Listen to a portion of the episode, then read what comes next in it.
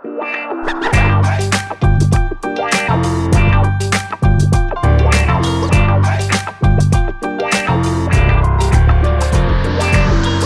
welkom bij een nieuwe aflevering van een podcast over voeding. In deze podcastserie gaan we in op de wetenschap achter voeding en laten we wetenschappers aan het woord over allerlei thema's die met voeding te maken hebben.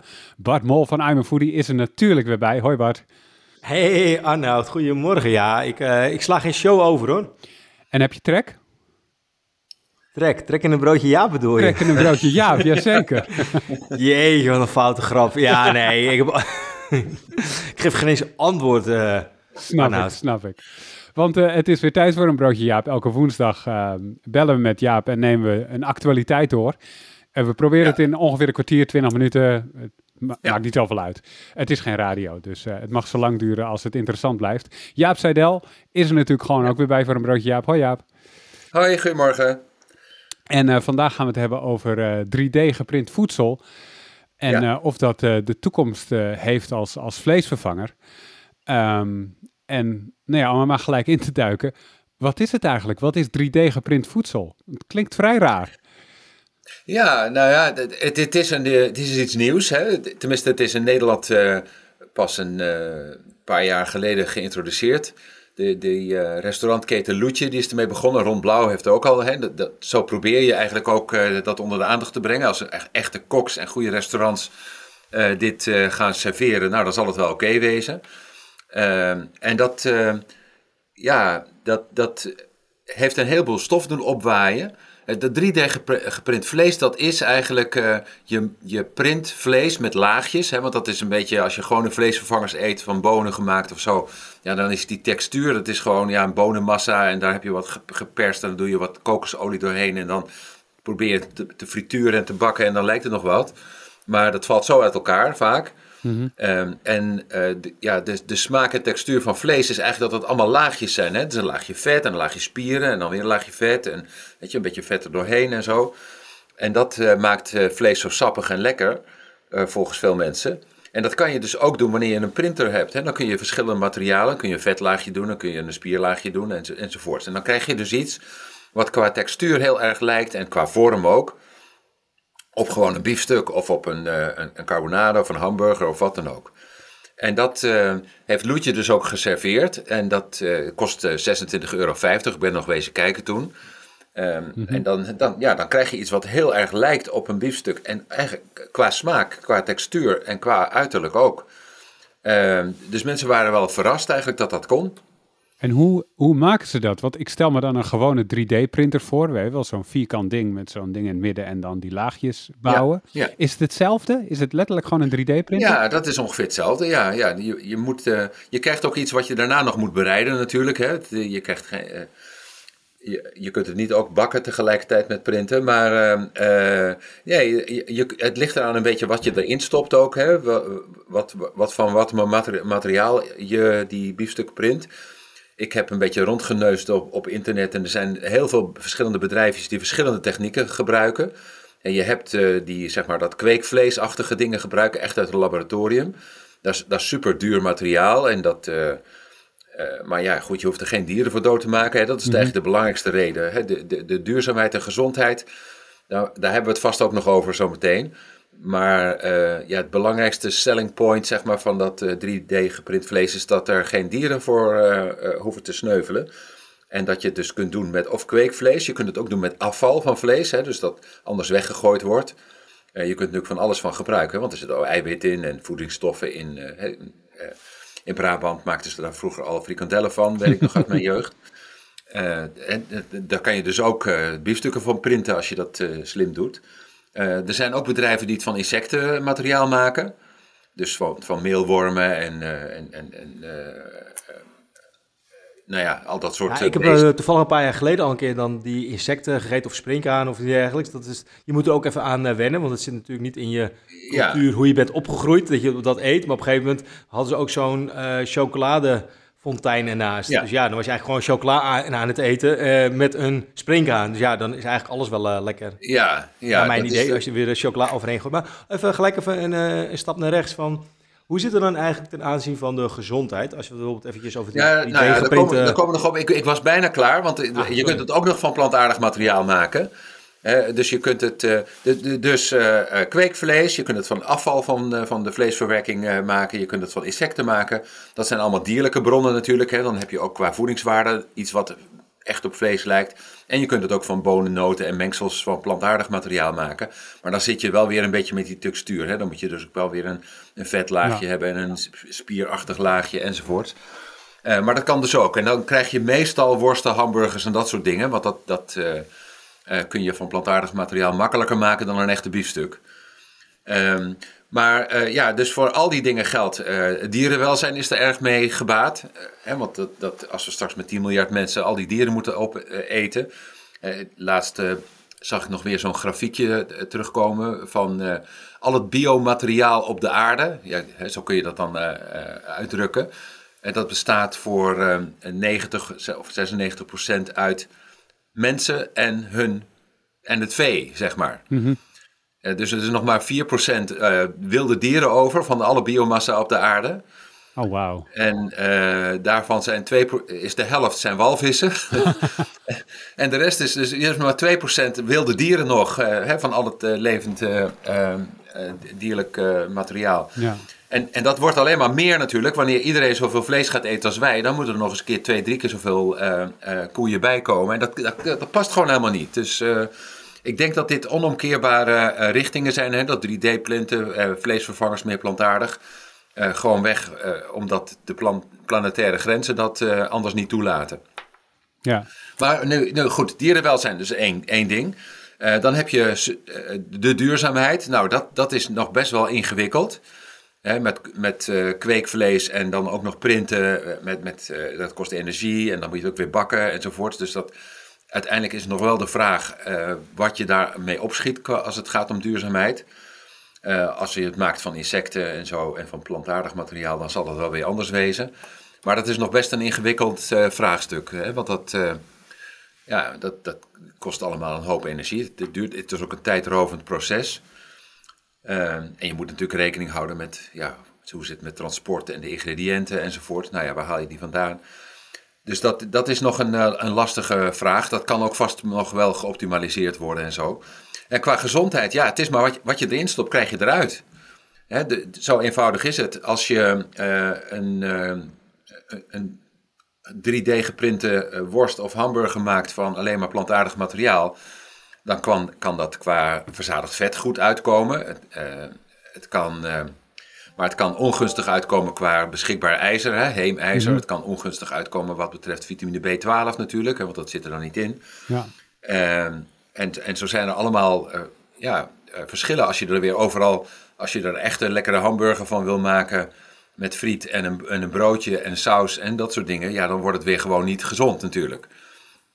Dus het is, uh, uh, ja, die voor's en tegens, die moet je steeds afwegen. Ik weet dat veel van die vleesvervangers die we tegenwoordig hebben, die worden met kokosvet of met palmvet hè, dat, een beetje smeu gemaakt. En dan stop je er een hoop uh, zout in en een hoop uh, smaakversterkers en nou ja, allerlei textuurverbeteraars en dat soort zaken. En dan krijg je gewoon weer junkfood, zoals al het andere voedsel. Ja. dus je kunt eigenlijk niet zeggen plantaardig is gezond.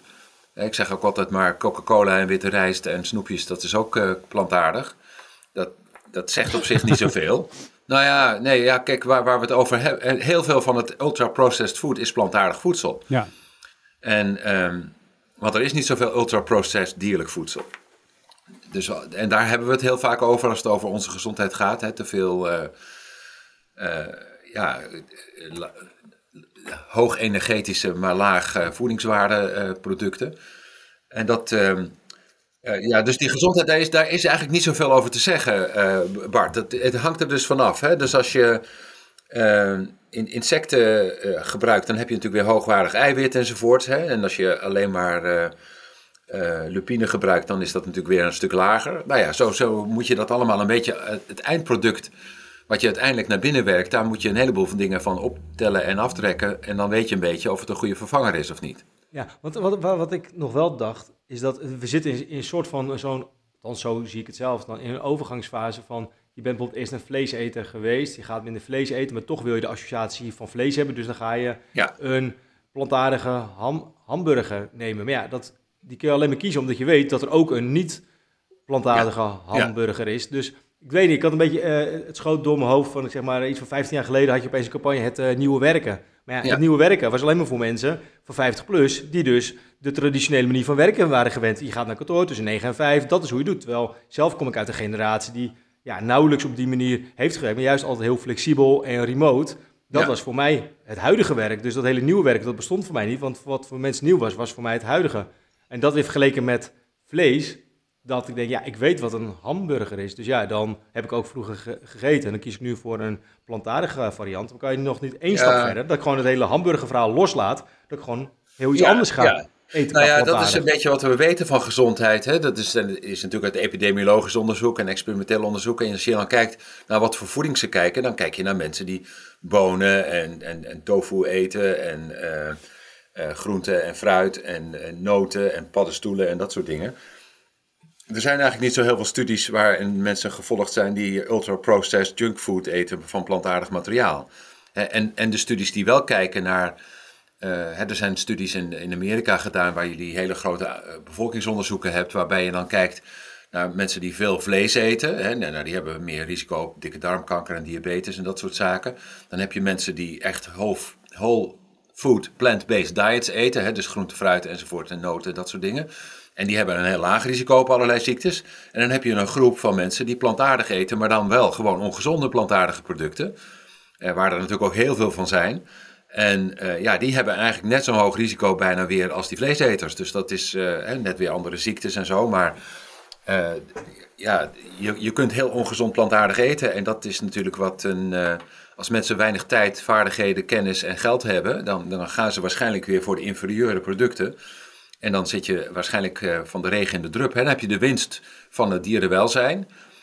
Maar of je qua duurzaamheid en gezondheid veel opschiet, dat is nog een beetje de vraag. Ja, even terug naar de, naar de 3D-printers.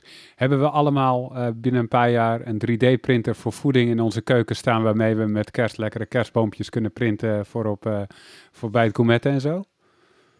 Ja, dat zou best kunnen hoor, maar dat, ik, ik kan dat niet, niet voorzien toen die magnetron kwam, dacht ik eigenlijk ook van ja, wat een onzin ding. maar nu heeft echt iedereen er een. Uh, maar uh, ja, dat, dat is iets uh, wat moeilijk te voorspellen is. Ik zie zelf de, de lol er niet zo van in. Hè? Dus dat, dat mensen wel veel kant-en-klaar dingen eten. dat blijft waarschijnlijk. Hè? Ik zie niet mensen weer teruggaan naar 45 minuten in de keuken staan en van allerlei basis, basismateriaal elke dag weer koken. Weet je wel, dat soort zaken. Dus dat je. Uh, de belangrijkste beweging die ik zou zien is dat mensen uh, uh, in de industrie eigenlijk vooral na gaan denken over hoe kan ik iets goedkoops, lekkers en gezond maken, wat ook heel gemakkelijk is. Mm -hmm. want dat hebben ze eigenlijk niet gedaan. Hè? Als je, als je kijkt naar wat er in de ja, ja, kruidenier te koop was in de jaren 50, hè, dan had je 300 producten of zo. En, een hele en de eerste supermarkt had 1000. Nu heb je 30.000 voedingsmiddelen. En al die voedingsmiddelen die erbij gekomen zijn, zijn bijna allemaal ultrabewerkte gemaksvoedsel, om maar ongezond. Mm dus koekjes, reepjes, ontbijtgranen, toetjes, weet je wel, al dat soort dingen, drankjes. Uh, er zit bijna nooit iets gezonds bij. En die industrie die heeft het gewoon heel gemakkelijk gemaakt. Als het maar lekker en goedkoop is, dan is het genoeg. En gezond, ja, dat, is, uh, dat, dat, dat, dat doen we niet aan. Uh, wat meestal betekent dat dan minder lekker een hoop gedoe in, de, in, de, in het laboratorium of in de fabriek. En dat, uh, ja, daar is denk ik de, de, behoefte aan dat je uh, gemaksvoedsel maakt wat niet te veel energie bevat, hoge mate van verzadiging en veel voedingsstoffen bevat. Dat zou een, een uitkomst zijn. En ja, waarom je dat dan thuis zou gaan printen als iemand dat anders het ook kan printen en je het alleen maar hoeft op te warmen. Het kost alleen maar op tijd. Ja. Uh, dus ja, tenzij je echt wil van ja, maar ik wil inderdaad wat jij zegt, uh, hele specifieke vormen hebben. Ik wil mijn naam in, in, in uh, kunnen schrijven in frietjes of ik noem maar wat. dan, ja, dan weet je, wel. Arnoud, mij lijkt wel een, een utopie hoor. Want als mensen nu al geen eens drie kwartier de tijd nemen om het te gaan koken. Met nee, zo'n nee, 3D-printer, volgens mij ben je urenlang bezig. Met een resultaat van weinig. En naast het feit dat het ook natuurlijk weer een uh, investering is volgens mij. Ja, dan ga je dus vervangen, uh, koken vervangen door, door print, bij de printer te gaan zitten kijken tot het klaar is. Ja. dus ik denk, denk dat dat niet heel veel kans maakt. Is het eigenlijk gewoon leuk voor die restaurants of niet? Dat ze in ieder geval een beetje in de media komen voor Nou ja, restaurants zijn natuurlijk een goede ingang. Hè, want als het als je het stempel goedkeuring krijgt van, uh, van bekende koks zoals Ron Blauw of zo'n keten zoals Loetje, die natuurlijk erg bekend is om zijn hoge kwaliteit, weet ik veel wat. Hè, is een non-spon, hè jongens? Dat, dat weten de luisteraars wel ja, toch? Ja, ja, ik, ik, mag vanavond gratis eten bij Loetje. Ja. non-spon, non-spon, ja. nee, dat doe ik niet aan. Maar al die restaurants, weet je wel, oh, het maakt niet uit. Maar zij zijn er toevallig mee begonnen. Ja. Eh, maar, maar zo gaat het natuurlijk. Hè? Dat is veel reclame voor uh, zowel die zaak als voor uh, de 3D-printer en de, en de fabrikant die erachter zit. Een Israëlische firma volgens mij. Nou, er zijn natuurlijk heel veel bezig, toch ook in Silicon Valley. Er zijn toch heel veel ja, ja, maar die start ja, ja, ja, zeker. Over, overal heb je die bedrijfjes nu. Ja. Um, en daar zal wel gezonde concurrentie in ontstaan. Er zullen er een paar overblijven. En dan gaat Unilever het natuurlijk kopen en zo. Of zo'n grote fabrikant die neemt het dan over. Net zoals bij de vegetarische slager. Uh, zo gaat het meestal met dit soort ontwikkelingen. Maar uh, ja, ik denk niet dat, uh, dat er veel animo is voor echt heel veel printers thuis. Ik kan me dat niet voorstellen, want ja, de, de lol is er denk ik snel vanaf. En ik denk dat veel mensen eigenlijk zullen kiezen voor het thuisbezorgen of het afhalen of het bijna kant-en-klaar even in de magnetron zetten. Want dat, dat is natuurlijk eigenlijk de, de meest efficiënte manier om snel wat gezonds op tafel te zetten. Maar in de, in de industrie of de restaurantbranche, heeft het een grote toekomst, denk je? Nee, dit is echt een gadget. Hè? Dus dat is. Uh, het is ook nog best wel duur. Hè? Dus ik denk dat wanneer je naar vleesvervangers in de supermarkt kijkt, ja, die zullen niet zo mooi die laagjes hebben als een biefstuk uit een 3D-printer. Maar het is best oké. Mhm. Eh, en die zijn goedkoper dan vlees, over het algemeen nu. De, eh, maar zo'n 3D geprinte biefstuk, ja, die, als die, die 26,50 euro, ja, ik vind nogal wat. Weet je, dat, dat doe je misschien één keer in de maand of zo. Zeker, dat zijn stevige prijzen. Ja, dat zijn, hè, dus dat is natuurlijk ook de nieuwigheid uh, nog wel. Maar uh, ja, het is niet goedkoop. Want het kost uh, een hoop tijd en, en grondstoffen en elektriciteit en al dat soort dingen. Dus dat... maar als ik ja, een beetje samenvat, Jaap, is het, het, het is leuk, het is lekker...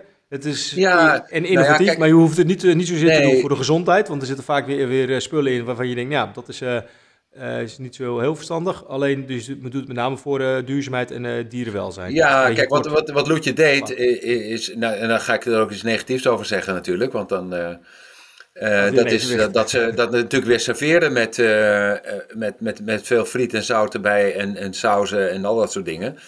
Dus alle winst die je eventueel nog hebt gehad qua uh, gezondheid, die ben je weer teniet gedaan.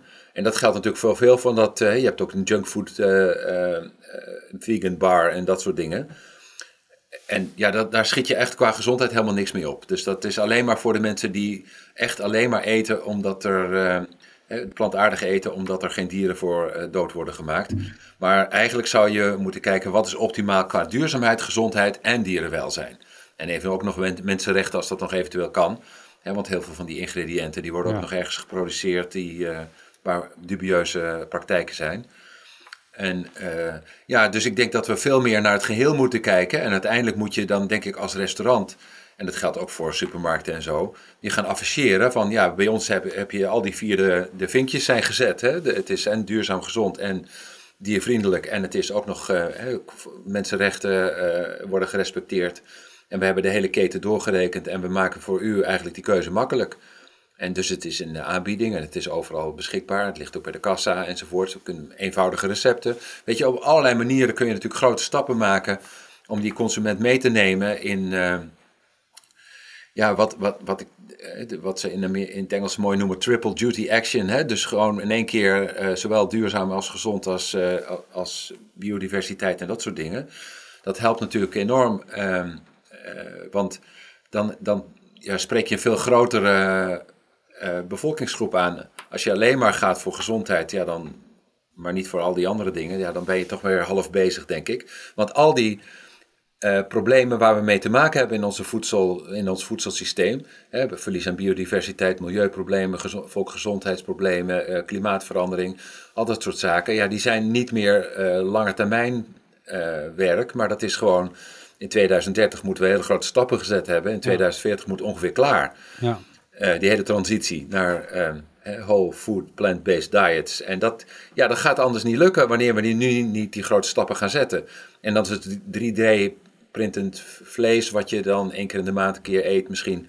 Ja, dat is niet de oplossing. Hè? Dus je moet echt op, op, een veel andere, op een heel andere manier naar je totale voedselaanbod kijken. Ja, ik heb nog wel één toepassing voor 3D geprint voedsel waarvan ik denk, ja, maar dat wil ik echt. Dat is namelijk dat als ik met een lunch een broodje opensnijd, dat daarin staat Jaap. Dat lijkt me echt geweldig. Want dan heb je een broodje Jaap. Ja, ja. ik zie Bart al echt meewarig schudden. Nou Bart, als je, als je dan toch uh, iets wil zeggen, is er, dan, is er dan nog iets wat je tot slot van deze aflevering nog wil toevoegen? Ik hoor een punt, uh, Arnoud. Je hoort zeker een punt, ja. ja. nee, ik heb niks, ik heb niks uh, toe te voegen. Mijn microfoon stond uit, dus daardoor kon ik niet gelijk reageren. dus uh, nee, dankjewel Jaap. Ik vond het weer interessant. Yes, het was, het was zeker interessant. Vond jij dit nou ook leuk en interessant? geef dan sterretjes in je podcast-app. Laat ook een recensie achter, helpt anderen ook weer om ons te vinden. Zou awesome zijn, want hoe meer luisteraars, hoe, hoe beter natuurlijk. Dankjewel Bart voor vandaag. Ja, zeker. Tot volgende week, uh, Arnoud. Helemaal leuk. En dankjewel, Jaap. Ja, graag gedaan. Tot de volgende keer. En uh, jij bedankt voor het luisteren. En tot de volgende keer. Later!